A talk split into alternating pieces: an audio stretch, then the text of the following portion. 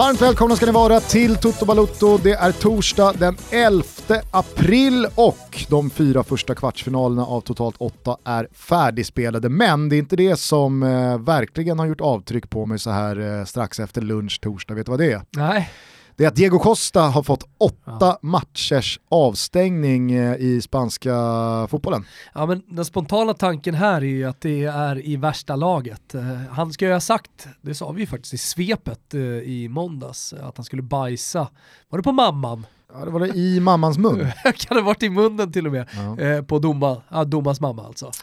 och sen så var det någon slags kontakt också med domaren? Precis, eh, om jag har förstått då domen rätt så får han fyra matcher för det han säger till domaren. Men när domaren då drar upp det röda kortet så tycker väl Diego Costa att vänta här nu. Det har gått 25 minuter av seriefinalen mot Barca och jag häver ur mig någonting dumt, du kan inte ge mig rött kort där. Så att han tar tag i domarens arm och för det tilltaget får han då ytterligare fyra matcher. Ja. Jag kommer ihåg när Borja Valero fick tre matcher, eh, rött kort också, för att ha petat på domaren i en match i Serie A för tre, fyra år sedan. Eh, det var fram till nu det värsta straffet någon har fått för kontakt med domaren. Eh, men, eh, I Italien då eller?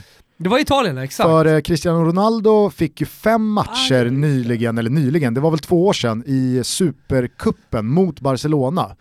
Då fick väl han ett gult kort tror jag, eller om det var ett rött kort, och så knuffade han domaren lite lätt ja. och då fick han fem matchers påbackning. Ja, man får inte röra domaren, men det där verkar ju vara lite godtyckligt också.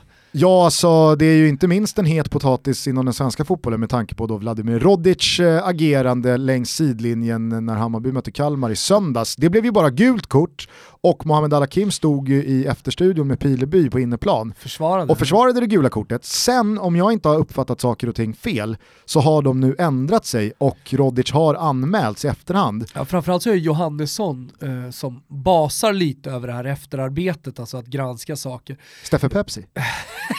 Precis, eh, så har ju han gått ut och uttalat sig ja, då emot och det är inte första gången Al-Hakim. Nej, han eh, var ju blåsväder i höstas då, då när han eh, inte visade ett rött kort.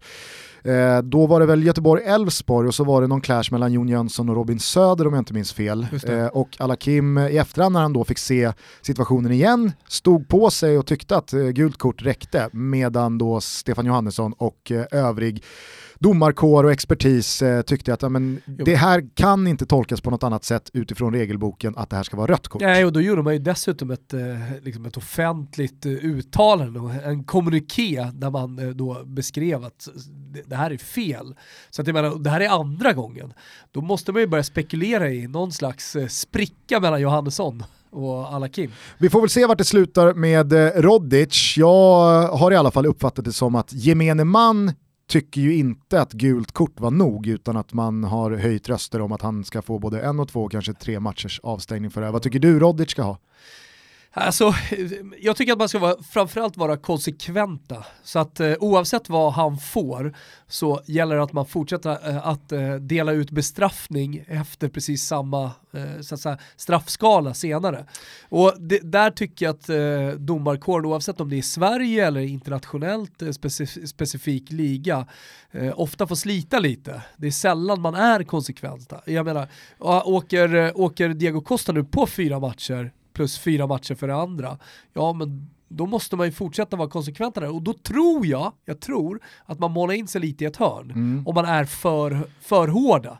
Ja, just den där konsekvensen har ju också ifrågasatts efter eh, Djurgårdens borta tifo mot Örebro med lite raketer och blinkers och sådär. Då var det ju många som tyckte att det här borde sluta med 3-0 till Gais, även fast de inte var med och spelade matchen. Men det är såklart raljerande, men du förstår vad jag vill komma. Eh, där var det inte tal om att bryta matchen eller att det här ska avgöras på något annat sätt än på planen. Så att, ah, den konsekvensen brister. Jag kan däremot tycka att just Rodic-fallet är extra viktigt eh, så här års inom den svenska fotbollen. För jag upplever att VARs intåg i andra ligor, vi har sett det i VM också, vi har sett det i Champions League numera, gör ju att det blir ett ännu högre tryck och hårdare tryck på domarna. Ja. För att jag tror att både experter, spelare, men inte minst de som står på läktaren, de, de lever liksom i en verklighet numera att det finns videogranskning ja. eh, på andra ställen och därför så blir domarna ännu mer under attack. Och det där kan jag tycka slår lite fel mot domarna.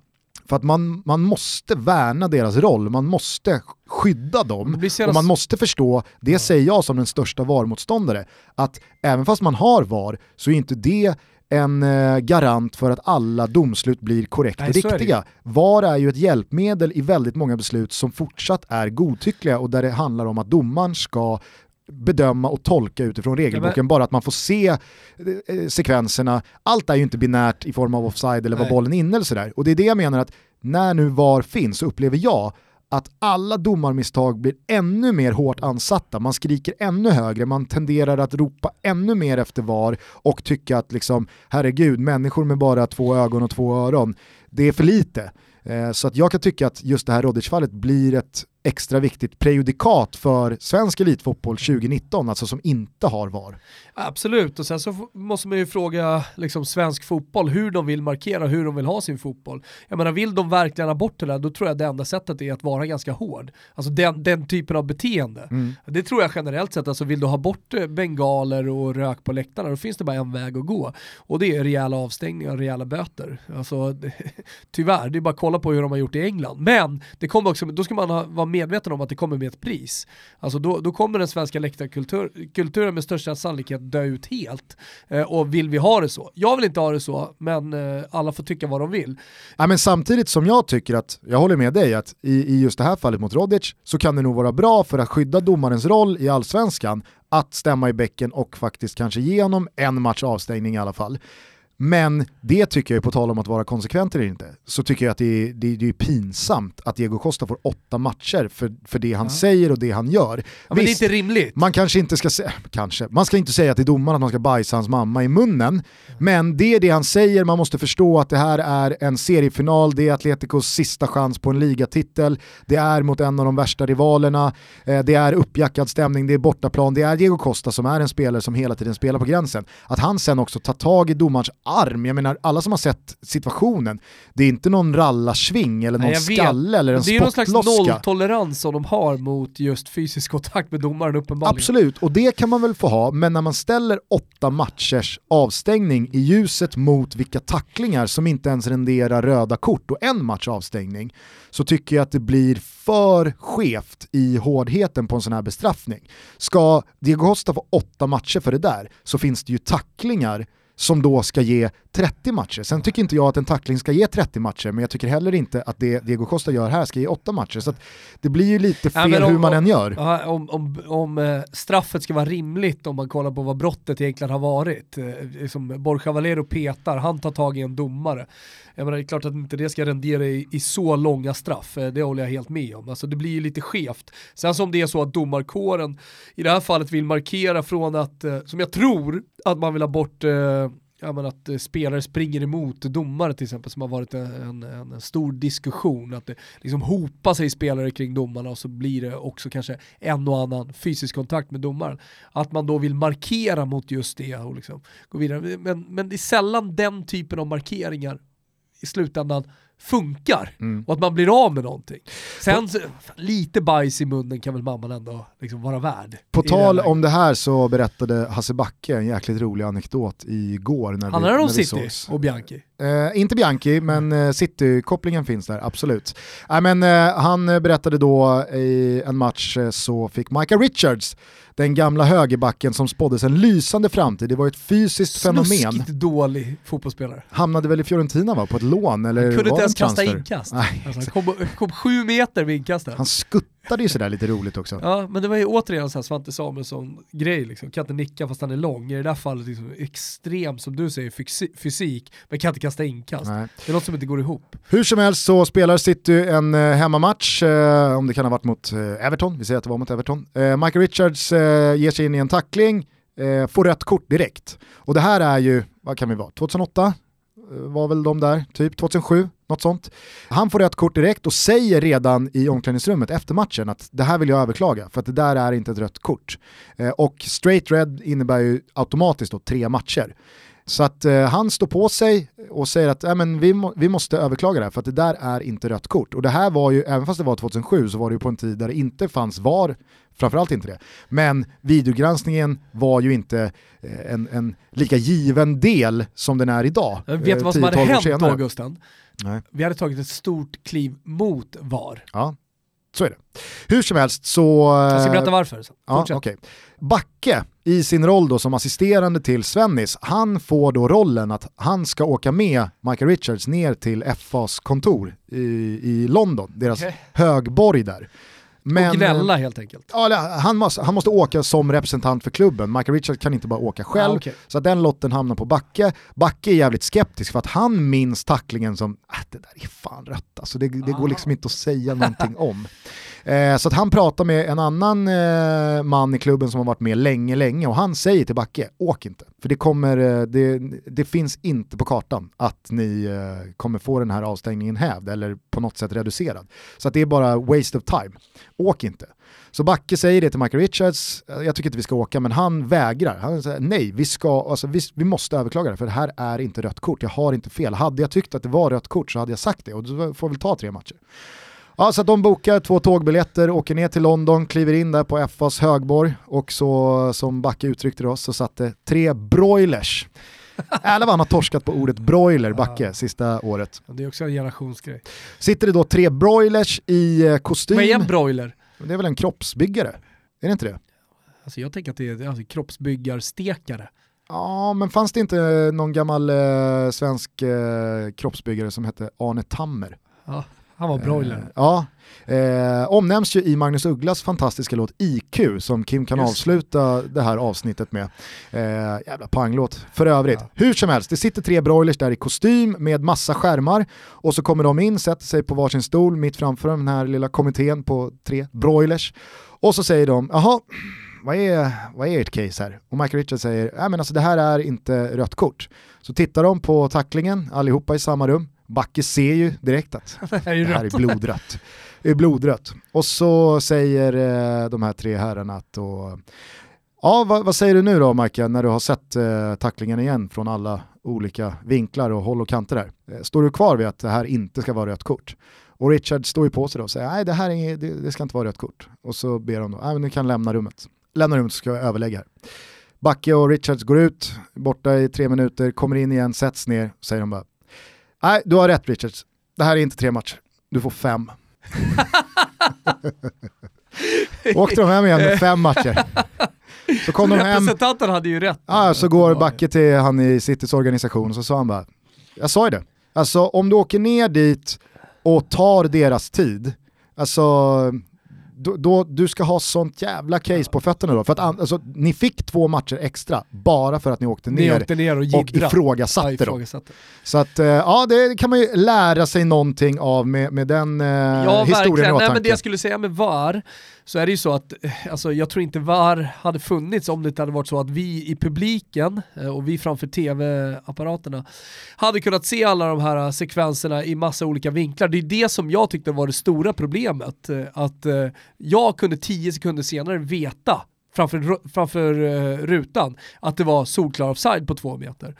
Eh, men det, den informationen fick inte gå till domaren. Alltså, så här, och det i slutändan eh, ledde såklart till VAR och det blev ohållbart liksom, att fortsätta på det här sättet. Att vi kan se saker som domarna inte kan se. Mm. Alltså, och, och jag tror det, alltså, just som när Backe åkte ner där och, och de kunde se i alla möjliga olika vinklar. Det hade redan börjat med högupplösta kameror och ja, fler kameror framförallt och att man kan se olika vinklar. Har du förresten tänkt på det, hur jävla fin den här 360-gradig kameran är? Där, där de liksom, man kan snurra runt i olika situationer och, och man kan se det från alla håll. Ja.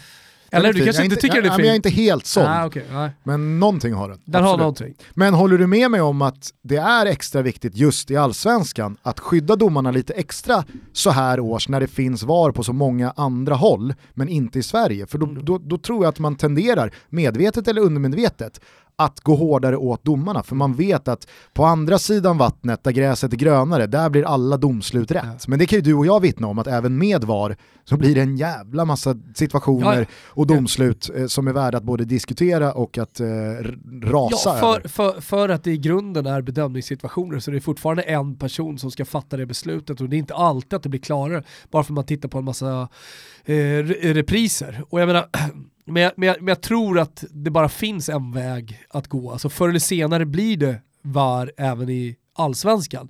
Av den enkla anledningen att vi kan faktiskt se i efterhand vad Rogic gör. Du måste säga Rodic. Ja, måste du tänker på Filip Rogic ja, i Örebro. Ja, Rodic gör. Och jag tror så här, jag menar, bara den här säsongen, nu när VAR finns i alla, alla turneringar, till och med i Champions League slutspel, så blir alla liksom medvetna om det och man lever i en värld där man hela tiden kan granska domslut.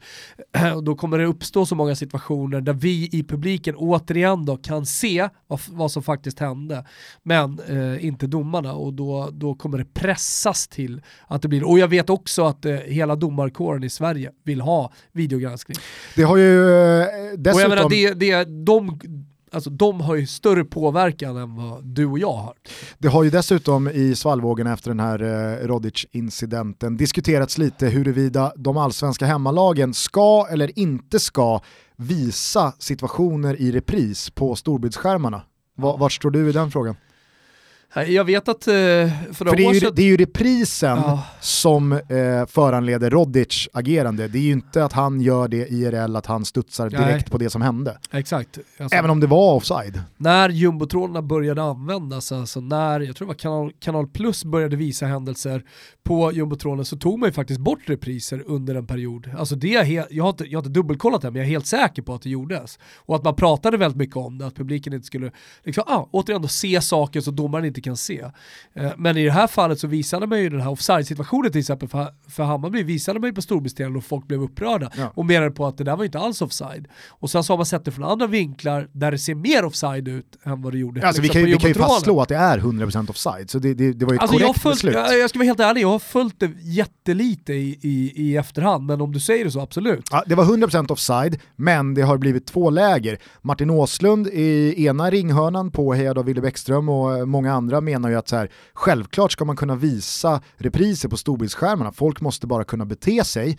Andra menar ju då på vad spelar det för roll, för att beslutet är ju redan fattat och det kan ju, det kan ju snarare då fungera som det vi pratar om. Eh, äggande och triggande eh, för både spelare, ledare och publik att då jaga på domaren ännu mer. Jag tycker att skippa repriser på storbildsskärmarna, för vad tjänar det till? Jag tror att det snarare slår åt det eh, destruktiva hållet än det konstruktiva och då, då, då, då är jag för att ta bort det. Ja, det tror jag också. Eh, sen så har ju Wille Bäckström och Martin Åslund missuppfattat en stor sak med mänskligheten. Det här med att människan ska kunna bete sig, det är bara att lägga ner direkt alltså. Jag, menar, jag, jag, jag, är, jag, är, jag är ett lysande exempel på det. Alltså, människan kan inte bete sig Gusten, så är det bara. Hörni, från eh, olika domslut och eh, påföljder till eh, matcherna som de facto har spelats ja. de senaste dagarna. Vill du höra ett svep? Ja, om jag vill. Sen sist vi hördes har AIK spelat ytterligare en 0-0 match, den här gången på ett glashalt Östgötaporten mot IFK Norrköping. Detta trots att ordförande Peter Hunt eldade igång hemmapubliken på ett minst sagt oväntat sätt innan matchstart. Djurgården studsade tillbaka efter missräkningen mot Giffarna och gjorde lingonsylt av Örestjärt. Och Sirius toppar tabellen i ensamt majestät efter andra raka segern, den här gången hemma mot AFC. Ah, vad var det du sa om Henrik Rydström och att han skulle få sparken först? Men framförallt så har de första kvartsfinalerna i Champions League spelats och vilka matcher vi bjöds. Att Liverpool vann med två mål hemma mot Porto var väl ingen större skräll, men portugiserna hade sannoliken kunnat lämna Anfield med både ett och två mål på kontot. Och visst borde väl Mohamed Salah ha fått syna det röda kortet i andra halvlek. Men nu blev det 2-0 och den lilla egyptien är med nästa vecka för att säkra det röda avancemanget, var så säkra. Kredd också till lagkaptenen Jordan Henderson som verkligen steppat upp sitt game på sistone och nu gör stor skillnad. Det kanske är segare virke i den björken än vad undertecknat tidigare trott. Parallellt med denna match skaffade sig Tottenham ett otroligt slagläge att neka Pep Guardiola ännu en selbuckla genom 1-0 hemma på nybygget i norra London. Hugo Lloris stod för sin tredje raka straffräddning när Kun Agüero missade från 11 meter och Heung Min Son klev fram när det som mest behövdes i slutet av matchen. Men de vita liljorna får klara sig utan sin spjutspets och skyttekung Harry Kane som kompromisslöst kastade sig in i Fabian Delfs fotsula och när både pjäxa och kryckor syntes i katakomberna efter match så säger vi bye bye till Kane i returen. Men vilket drama det blir nästa vecka på Etihad. Något vidare drama blev det däremot inte på Old Trafford när Barcelona kom på besök. Katalanerna came out swinging och gjorde mer än rättvist 1-0 en kvart in i matchen. Efter det var det som att man nöjde sig med resultatet och lät Manchester United hopplöst försöka göra match av det hela. Men de röda jävlarna fick inte iväg ett enda avslut på mål och efter fyra förluster på de fem senaste matcherna är det nog ganska många supportrar som börjat skruva på sig när man undrar var den här säsongen ska sluta. Ajax stod återigen för en fenomenal prestation när det blev lika på ett mot Juventus hemma i Amsterdam. Cristiano Ronaldo gjorde som sig bör mål och där och då kändes den gamla damen aningen starkare än de unga pojkarna. Men de rödvita reste sig och när allt var över hade i alla fall inte jag protesterat om det slutat med 2-1-seger för Ajax, även om Douglas Costas soloräd i fast forward var värt ett bättre öde. 1-1, alla förmodligen nöjda och Juventus fortsatt favorit till avancemang. Ja men här är det ju lite fotbollsromantiskt Gusten för att eh, Ajax spelar ju bättre fotboll. Däremot så kan jag tycka att de inte vaskar fram så jättemånga stekheta chanser i andra halvlek. De har ju ett par absolut, men jag menar eh, Douglas Costas innerstolpe är ju vad den är innerstolpe i en stretch när den studsar rakt ut. Det är ut. Olen som alltid säger att det där är innerstolpe ja. så jag har liksom påverkats av honom. Ja, då kan jag hjälpa dig på traven att om bollen studsar rakt ut, ja, då, är det... då är det inte en innerstolpe. Ja, okay, då är det full stolpe. Nej men eh, visst, jag håller med dig, det var ju inte ett pärlband av hundraprocentiga målchanser och att de hade kunnat vunnit med 5-1. Jag sa att hade Ajax vunnit med 2-1 så hade i alla fall inte jag protesterat och kallat det orättvist. Men en sak här som jag tycker är intressant med tanke på vad vi pratade om tidigare, Salahs dobbar på jag vet inte ja, faktiskt en, vem det var. Nej, nej, skitsamma. I alla fall, Salahs dobbar är att om man ska hålla på och granska det där i efterhand, eh, ja, men vilka situationer ska vi då inte granska i efterhand? Ska vi granska Rodic-casen i efterhand när man springer mot domare? Eh, ska vi granska då fula tacklingar? Eh, ska vi börja granska filmningar? Det har man ju gjort. Kom ihåg när, uh, fan jag tappar namnet, Jove, blonda som aldrig blev något. Uh, Krasic. Krasic! Kikazzo. När han var avstängd var det typ så fem matcher för att ha filmat. Men där var, där var man inte heller konsekvent då i den italienska fotbollen. Är du med? Ja, absolut. Å andra sidan, med tanke på hur tydliga restriktioner det finns för vad VAR ska gå in och kolla i en match, så är det ju faktiskt så att de ska gå in och kolla potential red card benämns det väl som. Ja. Och där tycker jag, att det, jag, tycker, jag tycker att det är konstigt faktiskt, att det inte blir en check på den där. För det är ju, ja, det, det uppfyller ju alla krav ja. för vad ett rött Poten kort ska vara. Framförallt vad ett potential red, alltså potentiellt rött, att de, ska, att de ens ska granska, eller att de ska granska situationen. Men, men, men det är det så jag, jag menar. Där tycker jag att du har lite fel, att så här, vad ska man då inte kolla? Ja, jag vet inte vad man inte ska kolla, men den där tycker jag att man ska kolla. För att hade, do, hade domaren fått i örat att vänta här nu, det här kan nog vara ett eh, straight red här. Gå ut och kika på den här i alla fall. Men problemet så hade det inte varit konstigt. Nej, det har absolut inte varit konstigt. Problemet är att man, man, man, är ju aldrig konsekventa. Oavsett vilken typ av situation man granskar i efterhand. Så, så av någon konstig anledning så kan inte fotbollen vara konsekvent. Samma eh. typ av situation, även fast det är en helt anna, annorlunda förseelse, är ju Fernandinho på Harry Kane är det va? I första halvlek mellan Spurs och City. Där han eh, trycker till både en och två gånger rejält medvetet och rejält fult med en armbåge i Kanes nacke och bakhuvud. Ja, eh, som jag tyckte såg smutsig ut. Också potential red card som ja. kan kollas i efterhand, absolut. Eh, skulle bara säga det att eh, det var ju en person på Twitter som tyckte att han hade hittat liksom grejen med Harry Kanes skada. Det var mm -hmm. Tancredi Palmeri. Alltså grejen enligt honom med Harry Kanes skada var ju att han eventuellt faktiskt också då kan missa Nations Leagues första match. Alltså han gjorde så jävla stor grej av det här. Det var portugisiska, det var spanska, det var engelska, italienska. Bara happ, happ, happ. Okej okay att han missar nästa match, men vet ni vad? Han kan också missa Nations Leagues ja. första match. Jävla sjukt hur han värderar olika nyheter. Ibland. Det är ju Nations League-slutspel i juni, hör och häpna. Det är nog många som har liksom gått vidare från den här turneringen. Jag pratade faktiskt med eh, liksom fotbollslabbet-gänget, det är Simor som har den rättigheten. Och då undrade jag nyfiket så här, vad, vad är pulsen, vad är, vad, är, vad, är liksom, vad är temperaturen kring Nations League-slutspelet?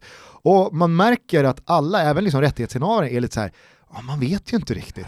För jag undrar så här, det laget som vinner, det landet som vinner bucklan, ja. kommer det vara liksom folk på torg och gator då eller eh, har, man, har man liksom vunnit en tung buckla eller ska man bara rycka på Eller kommer det vara typ klubblags-VM. Det är inte så att eh, Liverpool-supporter skulle gå man i huse och fira, eller Atletico Madrid-supporter eller vilka det nu är. Nej, Real Madrid vann ju senast då. Det, det kändes ju inte som att så här, Wow, ja, det är också såg, ett lag såg, du bilderna, så, nej. såg du bilderna från Madrid i Exakt. natt? Nej, men jag menar så att det är också ett lag som har vunnit så jävla mycket. Så det är ju säkert skillnad då, alltså, om lilla Norge skulle gå och vinna, kan de ens göra det? Nej, alltså, nej, nej. I en framtid menar jag. ja, nej det tror jag inte. Ja men hur som helst, då kanske skulle de då fira, men nej. Ja. Det är svårt, alltså fotboll är så jävla traditionsbunden och så konservativ. Så att eh, vissa saker går liksom inte att, att införa. Nej. Det går inte att införa klubblags-VM och tro att det ska, alltså det kan slå marknadsmässigt positivt, att man tjänar pengar på ett eller annat sätt, men det kommer aldrig komma in i fotbolls, liksom i själen.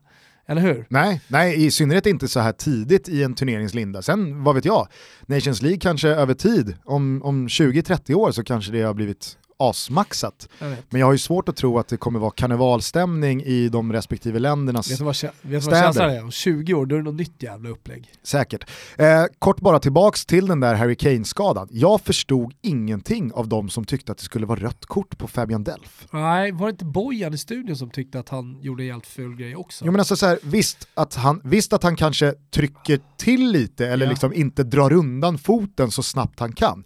Men det är Delf som är bollförare, det är han som Ja. skickar iväg, om, om det nu är ett inlägg eller om det är en lång passning, vad man nu vill benämna det som, med full fart. Att Kane då satsar 110 och stoppar in foten i det.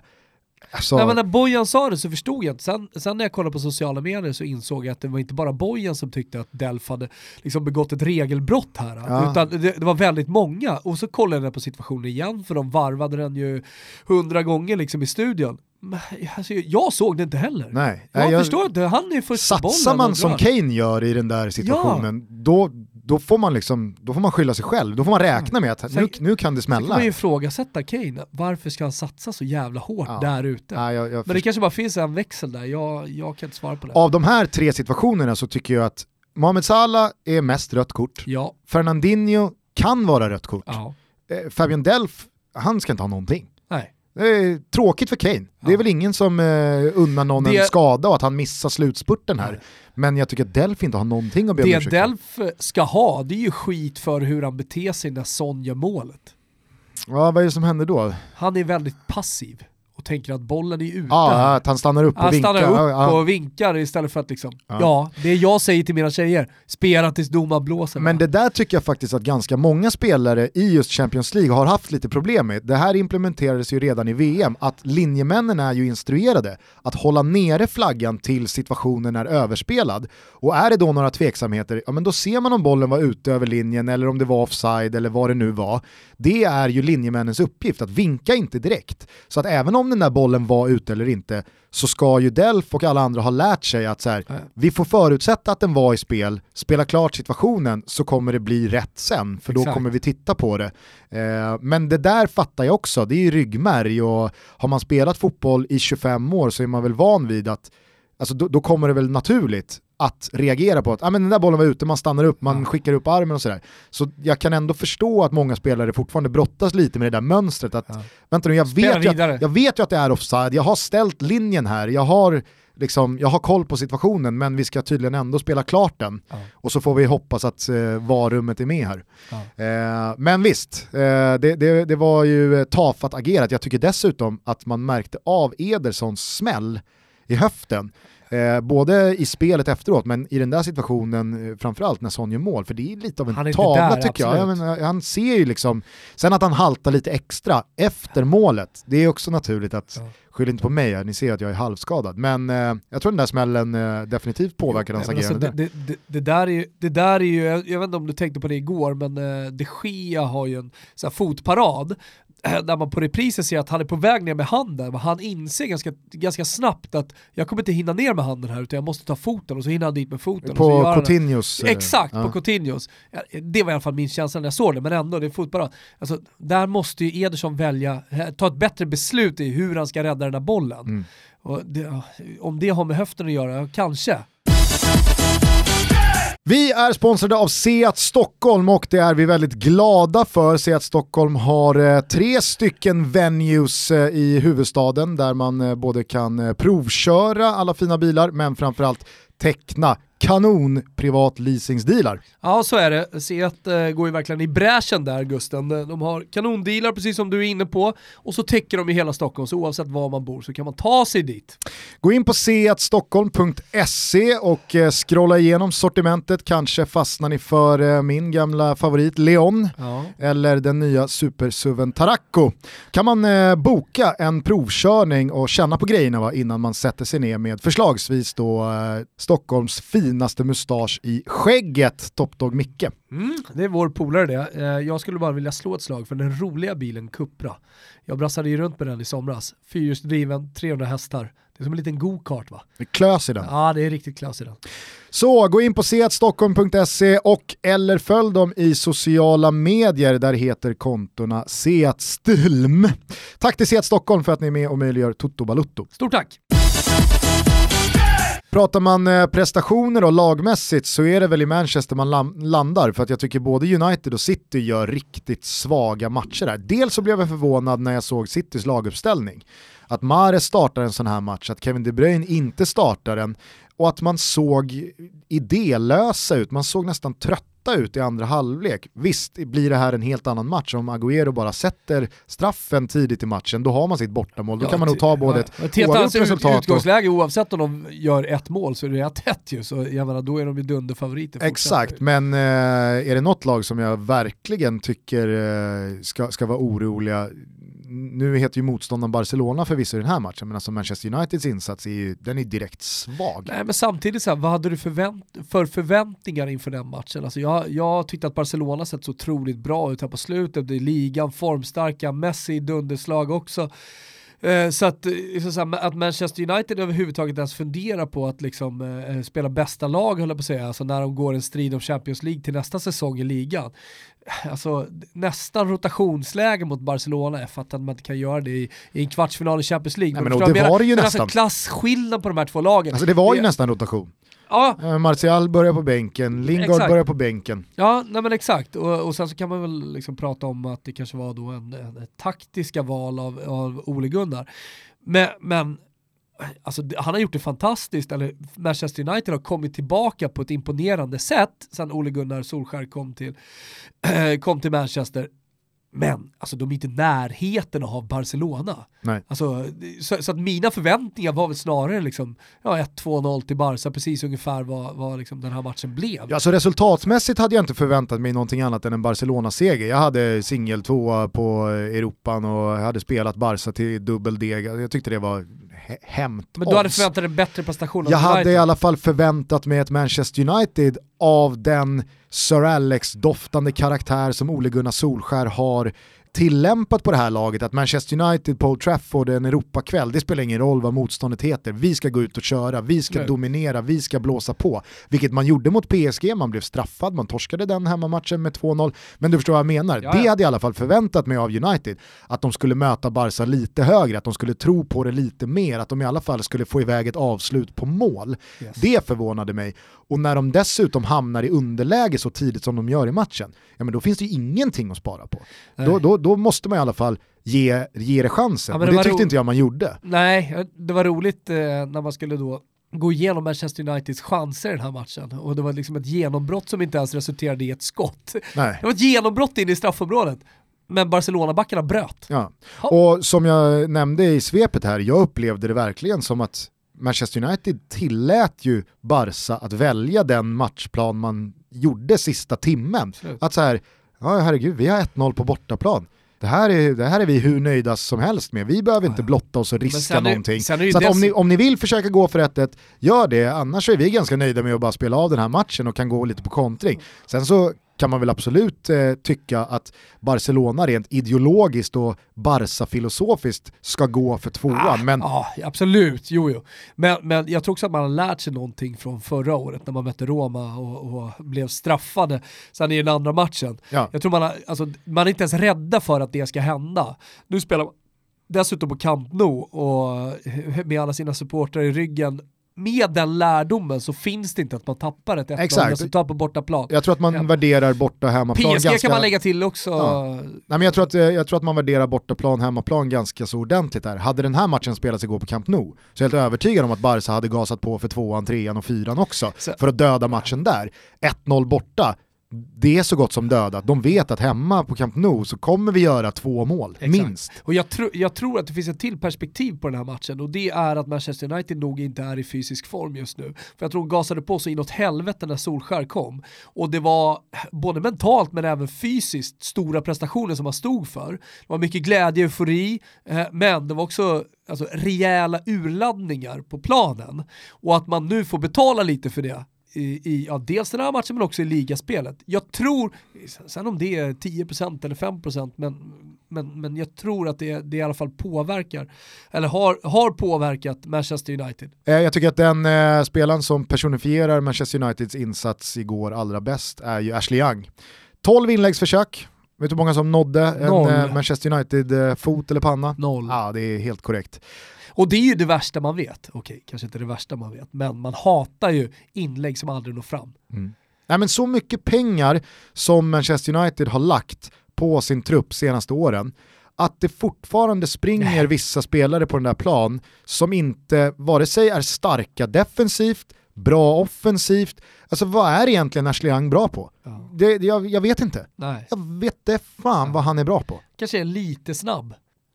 Han är väl liksom average. Ja. Han är inte långsam, men det är inte någon sån här, ja sen har vi i och för sig Ashley Youngs snabbhet som Nej, ett hot. Det har du rätt i alltså. På tal om snabbhet, satan vad jag varit imponerad av Gerard Piqué igår, eh, när han växlar upp mot Rashford ja. i en 40-50 meters duell.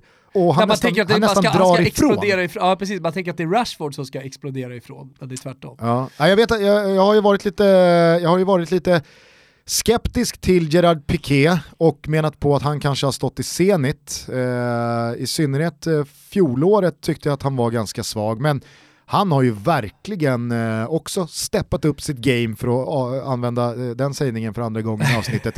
Nej, men jag, jag, tycker verkligen att han har varit otroligt bra i Barcelona den här säsongen. Inledde väl, ah, kanske inte så här wow, men det är ju ingen som liksom saknar Umtiti eller tycker han, att det, det, det ser svajigt ut. Han gör ju ytterligare en grej jävligt bra i den här matchen och det är straffsituationen.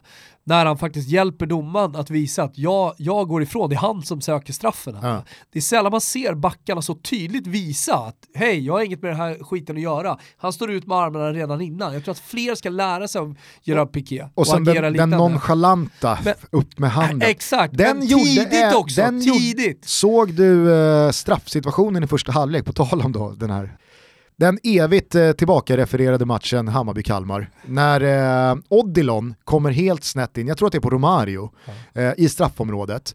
Och det, det, alltså så här, jag tycker det är straff, det ska vara straff, inget snack. Men där är Kurci, direkt.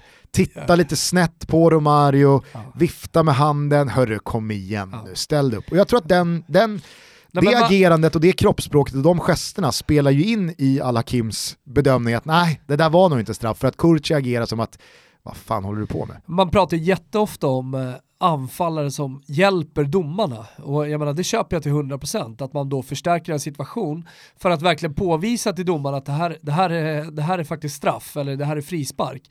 Där måste ju också försvararna bli bättre. Man måste bli mer som eh, Gerard Piqué och Kursi i det här läget då, att då förstärka, hjälpa domarna. Är vi överens om att uh, Liverpool uh, är klara, det visste vi väl sen innan den här matchen sparkades ja, igång, och att uh, Barcelona har dödat mötet. Ja. Vad säger du inför returerna här då, City Spurs och Juventus Ajax? Ja, eh, jätteöppna såklart, alltså Harry Kane, eh, stort avbräck och allt. Eh, men det är någonting i det du, du säger, alltså, jag tycker inte heller Manchester City ser ut att vara i det där perfekta slaget. Alltså. Och återigen så är det alltså ett Pep Guardiola-lag som kommer till mitten av april och just när allting brinner, alltså när man ska vara som bäst, så, så känns det, det känns som att det är handbromsen i lite grann. Har du precis som jag noterat att det är väldigt frekvent på sistone på Twitter har eh, basunerats ut vad City egentligen har fått för motstånd i såväl jo. Champions League som FA-cup som ligacup. Ja. Jag är ju dels av åsikten att ja, men det kan ju inte City göra så mycket åt. Mm. Alltså de får ju den grupp och den lott de får. Och då menar jag, alltså i Champions League så fick man en grupp med Hoffenheim, Shakhtar och Lyon det är ingen monstergrupp. Eh, du får Schalke i åttondelsfinalen. Och i ligacupen så hade man väl Burton så sent som i semifinalen och i FA-cupen så har det också varit ett pärlband av lag från både Championship och Premier Leagues undre delar. Nu senast hade man ju Brighton i semifinalen och så vidare.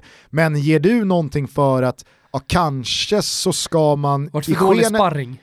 Nja, kanske inte för dålig sparring, men att deras resultat och prestationer, alltså att de har vunnit ligacupen, att de är i final i FA-cupen och att de är i kvartsfinal i Champions League, kanske ska omvärderas, alltså deras slagstyrka ska kanske omvärderas när man ser till vad de har fått för motstånd. Ja. Då kan man ju då vända på det då i Tottenham som alltså i sin grupp har Barcelona, Inter och PSV. Va?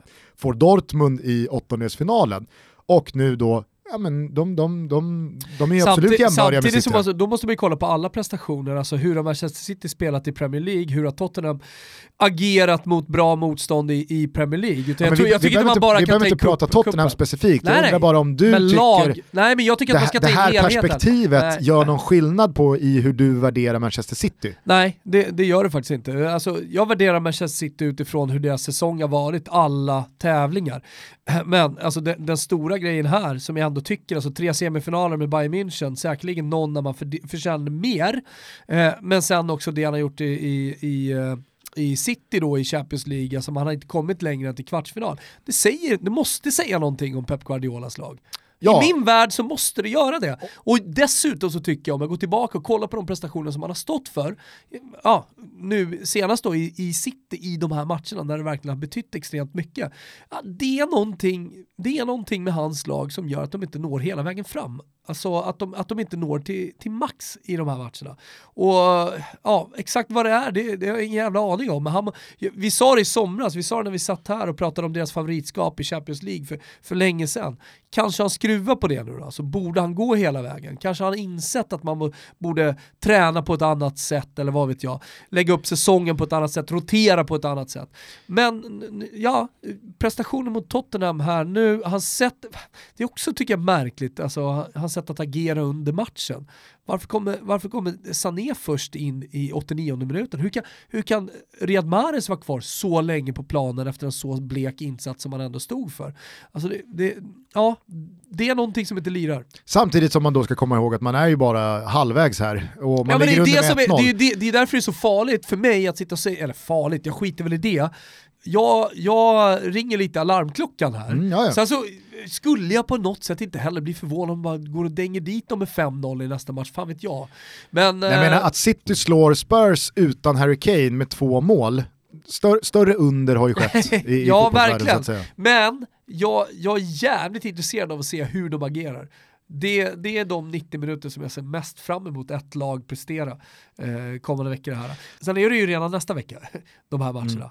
Vilket också, eh, jag, jag, jag, lever i någon slags värld att det är två veckor emellan. Mm. Ja, men och däremellan ska man ju dessutom spela en lite knivig bortamatch mot Crystal Palace i Premier League där man inte har råd att tappa poäng.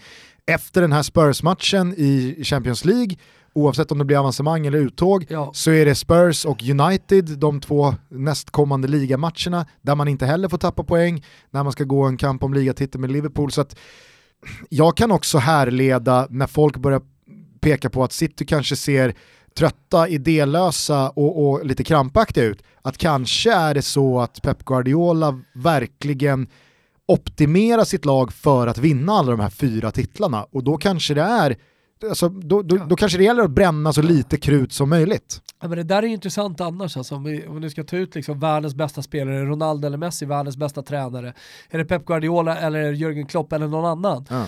Alltså, det hade varit väldigt enkelt om vi hade kategoriserat lite och sagt vem är världens bästa ligacoach? Ja, men då skulle jag säga Pep Guardiola, alltså framför, framför alla andra. Ja. Över en hel säsong i en liga. Vem är världens bästa ligafotbollsspelare? Då skulle jag säga Leo Messi, efter allting han har gjort. Vem är världens bästa Champions League-tränare och vem är världens bästa Champions League-spelare? Ja, då, då är ju Cristiano Ronaldo överlägsen, eller hur? Ja, men eh, just Ronaldo är också, det är, det är en intressant aspekt på det, för att man var ju aldrig orolig att Ronaldo skulle missa det här Ajax-mötet just för att Juventus redan har avgjort ligan. Alltså det blir så självklart att då kan du pressa dig mot den matchen.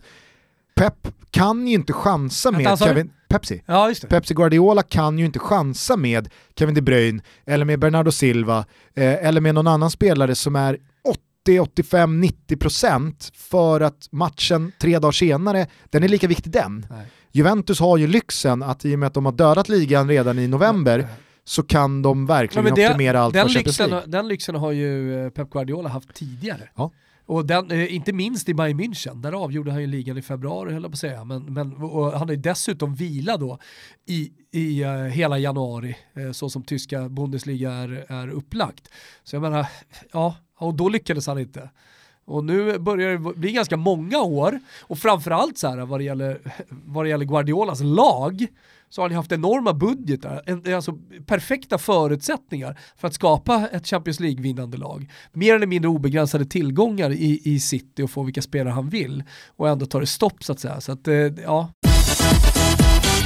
Vad skrev eh, italiensk press då om eh, Juventus eh, resultat och insats eh, och förutsättningar? De är cyniska italienarna, de inser ju att det här är ett bra resultat och så dessutom så vet man ju hur jävla vassa Juventus är på hemmaplan. Alltså på Allianz Stadium så, så tappar man inte ett 1-1 borta mot Ajax. Man tar, man, det resultatet oavsett hur det har sett ut, det, alltså 99 av 100 tar man sig vidare.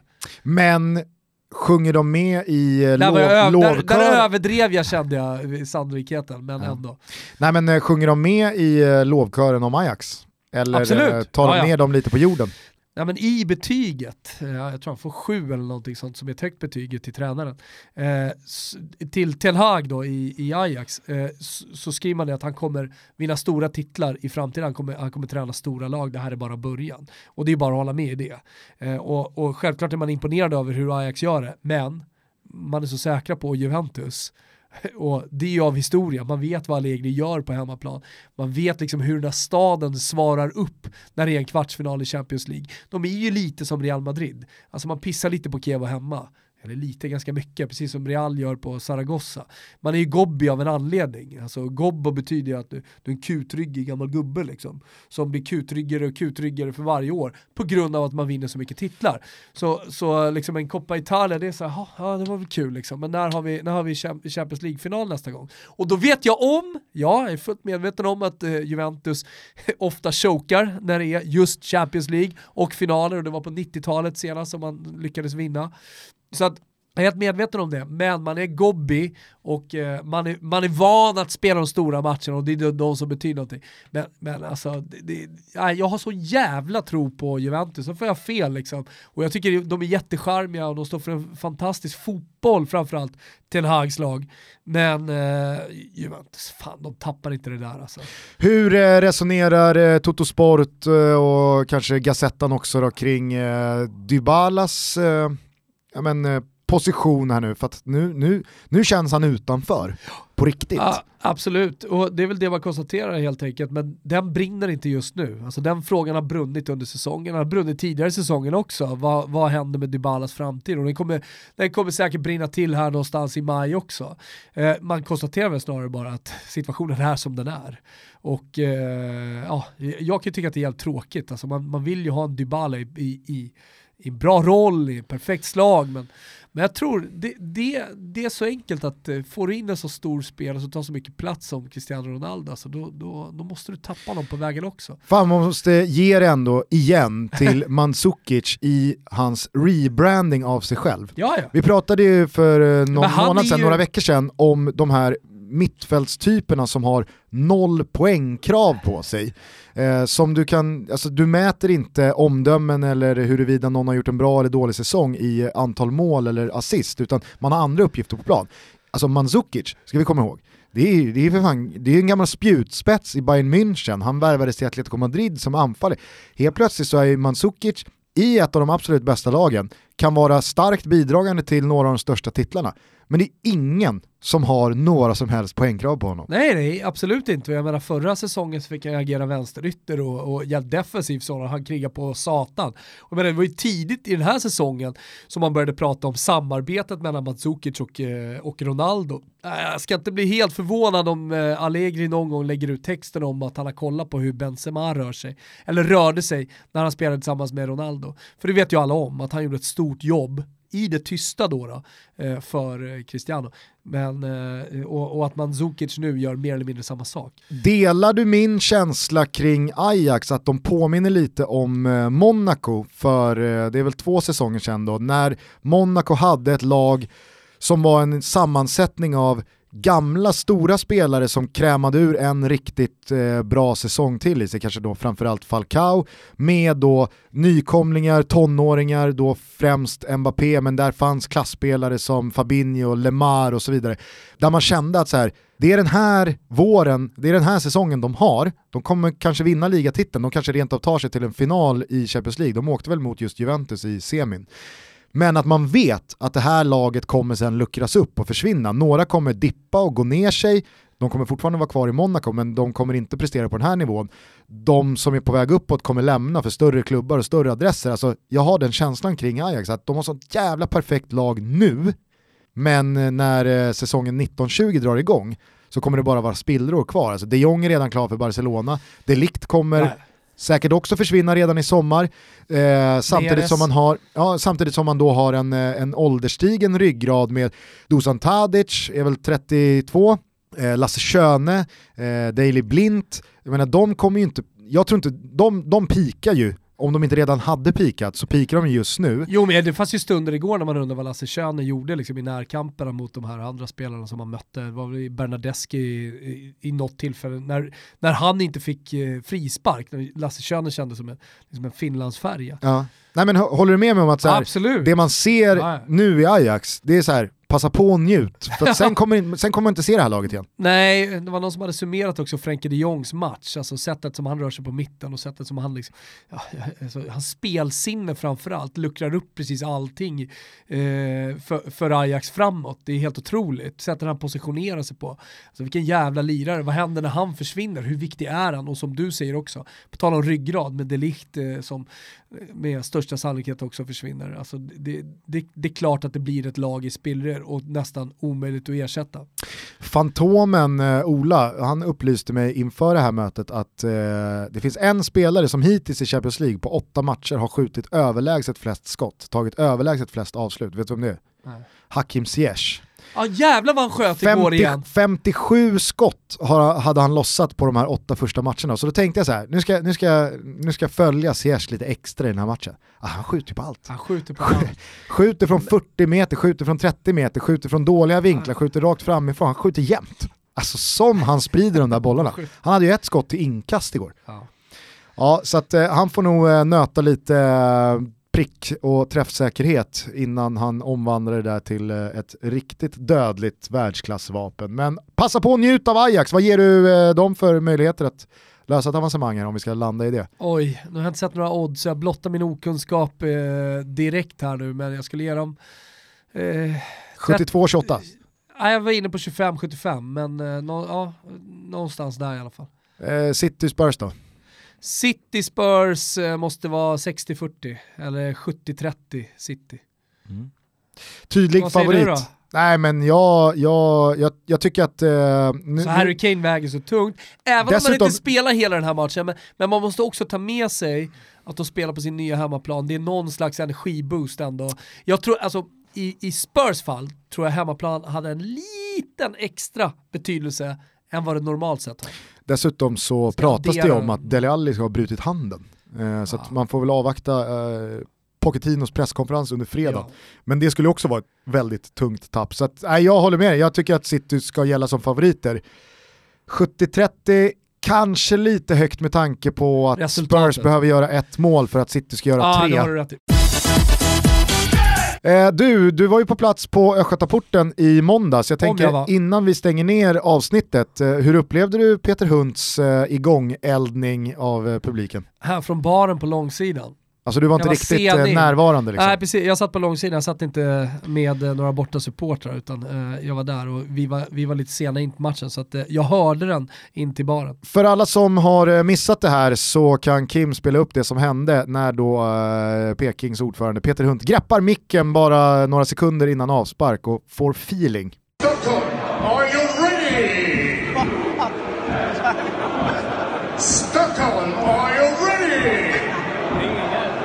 kicking. Turn around.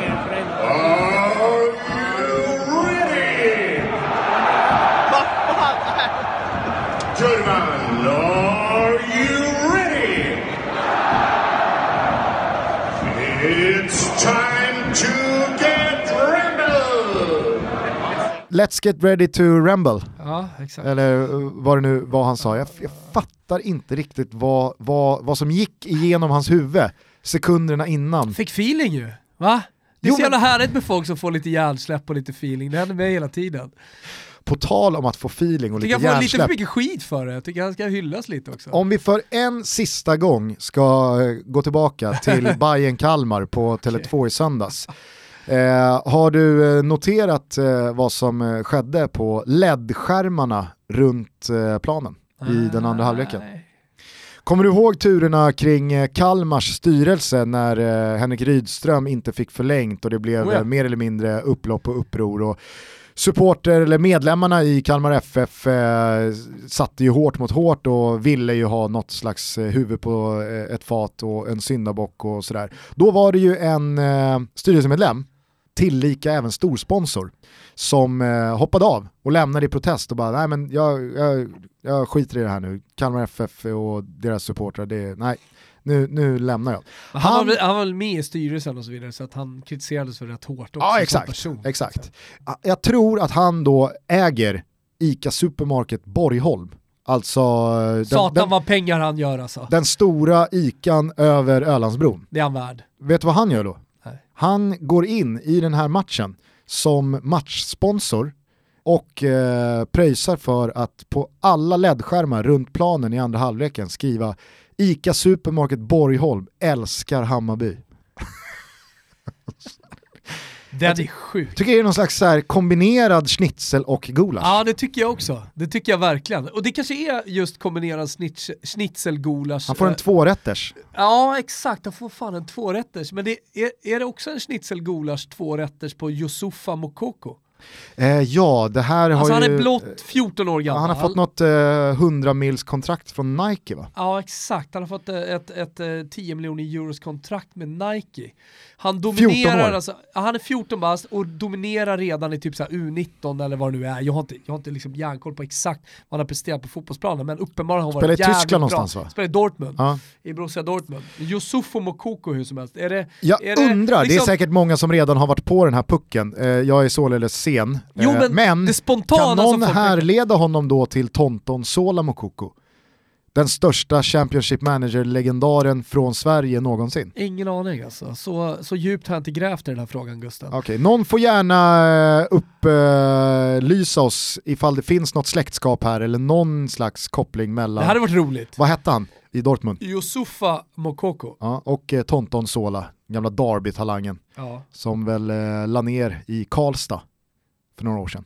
Han har alltså fått ett sponsorkontrakt av Nike för Exakt. 100 millar. Ja, Ja exakt, och då undrar jag liksom, är det schnitzel eller är det gulasch? För jag kan tänka mig... Alltså, är det, schnitzel eller spontan- gulasch till Nike? Precis. För där undrar man ju så här, hur värderar de marknadsvärdet på en kille som inte ens du och jag någon gång har hört talas om? Ja men exakt. Är det värt att lägga 100 miljoner på ett Ja. sånt namn nu? Ja, alltså, med tanke på att det är Nike som gör det så kan jag tänka mig att eh, ja, det är klart att det är värt det. Fast han alltså, hade väl blivit skitglad för fem? no-brainer. ja, kanske det. Det är det jag menar. Alltså ja, så här, ja, behövde de verkligen Eller- hosta upp 100 miljoner Ja. för att få hans kråka? ja. Här kan vi ställa sig frågan om det verkligen är Men det, det, det spontana är att folk, folk kräks, du vet. Gör sådana här gröna emoji-gubbar. Fy fan vad vidrigt och hur mycket pengar det är i fotbollen. Såg du det jag skickade ut på Samtidigt- Twitter för några dagar sedan? Eh, med Effenberg. Nej, var Han det? drämde näven i bordet en gång för alla. Var det Gentemot näven då, eller var det drulen? kan ha varit både och. Ja. Men, han- och det, det är så här, jag skrev det på Twitter, att det, det kanske är det mest väntade namnet i hela fotbollsvärlden som till slut lackar på att summorna har blivit för höga. Nej, men jag tror att det var eh, då aktualiserat av att Bayern München har gjort klart med eh, Lucas Hernandez, eh, ytterbacken från Atletico Madrid. Jag tror att eh, övergångssumman är väl fastslagen till typ 80 miljoner euro, Mm. 85 miljoner euro någonting. Och då har ju Effenberg rött, ruttnat här och liksom men sam- Undrat då retoriskt, ska vi, ska vi kanske köpa en ny busschaufför också för 50 miljoner euro? Han är Ja, så jävla bitter Jo, ja, men över att ha så var varit ju 20 år för Effenberg- tidig. Ja, men han var ju snål som fan själv. Jag kommer ihåg när han kom till Fiorentina, han var hatad för han spelade bara för pengarna. Så han, var, han var själv en girig jävel Mm. som, vi, som ville åt pengar. Han åkte inte till, till Florens för att vinna någonting. När åkte- han blev bäst betald, då var det inga, Men då, var det var inga minsann inga konstigheter. jävla konstigheter. att det Men var nu, astronomiska summor. nu när man har supit bort alla pengar, då passar det liksom. Du vet, Det är så han har, jävla väntat han har sådana utspel. jävla guldkort på swingerklubbarna runt om i Tyskland. Han kan komma till vilken liten håla som helst och så har han en, har en liten swingerkällare som man kan gå till. Ja, men landade du i någon slags tvårätters till men- Nike också? nej, men här, eller? det- det- jag det- på tycker, ett sätt jag så tycker känner man att att det är eh, lite. Mokoko ska väl inte ha någon Nej, skit men, här? nej, det ska det inte ha. Men samtidigt så är det lite så här jippo över det hela, eller hur? Ja. Alltså, man, man får en jippo-känsla, vadå? Vad är fotbollen på väg att bli? Och med 100 miljoner dit, det är jävla jippo hela tiden. Men, men då kan jag också tycka att den här Isak Hayik, som är 73 bast, som helt plötsligt ska spela en proffsmatch match i Israel, som nu alla tycker är så jävla häftigt att han ska spela en proffsmatch, det är lika mycket jävla jippo det också. Du, jag, det är såg bara några, jippo. jag såg några bilder Ja. från hans lag och att kalla det för Pro, professionell ja, nivå, professionell nivå. det är ju kanske den största skarven det här fotbollsåret för att det såg ut att vara typ BK Badboll mot Ja, FC Samp. Ja, ja, men det är också jippo, nu snurrar det runt och det är så jävla häftigt det är så här. Ah. Jag tror att det var israeliska fjärde divisionen och det, det, Alltså, kan, det kan jag lova er, det, det såg inte ska bra ut. ha en jävla schnitzel för att han löser 10 miljoner euro. Det är helt galet. Och, och gänget runt Mokoko ska ha... Framförallt så ska jag ha en schnitzel om man nu lägger ner. ja, Tack för mig, tack för mig! nu börjar jag på gymnasiet. Jag ska leva på miljonen. Hörni, glada nyheter. Jan Andersson, förbundskaptenen, är bokad och klar. Skönt att du ändå förtydligade där så att det inte var någon annan jävla Janne Andersson som skulle komma in i Exakt, studion. det hade varit snopet. Ja. Knacka på så Kommer kommer, någon gång i maj här. kommer det någon annan Jan Andersson. Yes, början av maj så tar vi ett snack med förbundskaptenen. Eh, dessutom så tycker jag att vi ska puffa för eh, Strive. Ja. Det är ett par ruggiga fighter från Italien och Spanien i helgen, bland annat Sevilla-derby på Ramon Sanchez Pizjuan. Och jag tycker också att det Champions League har gjort här nu i veckan, det är att det liksom väckt liv till den här ligaavslutningen. Alltså nu har man fått upp pulsen igen efter eh, landslagsuppehållet senast. Så att, eh, ja, jag tror att det är många som kommer bänka sig. Passa då på att signa ett kontrakt med Strive. Signa ett kontrakt. Eller hur Gustav? Jajamensan. Och vet du vad det är värt? Vet du vad det kontraktet är värt?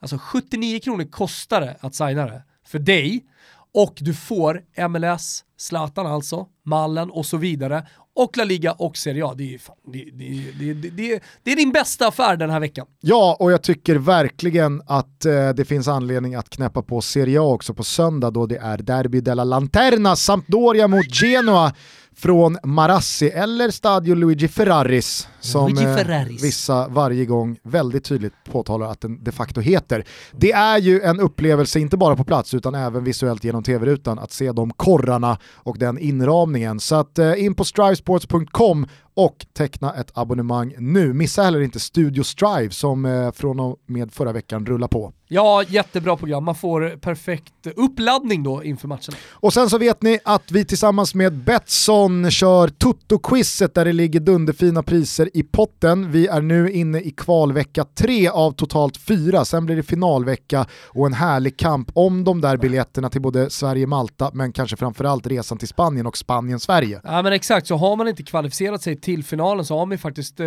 ja, chans nu då, eftersom vi pågår, eller kvalvecka tre pågår, och så får man en ny chans nästa vecka. Så att eh, in på Svår omgång den här veckan måste jag säga. Ja, ruskigt svår. Tompa är inte alls med i matchen kan jag säga. Nej. Hörni, eh, tack för att ni lyssnar på Toto Balutto. Fortsätt med det, ha en trevlig helg så hörs vi i början på nästa vecka. Nu blir det lite 80-talsdoftande uggla samtidigt som vi säger ciao tutti! Ciao tutti!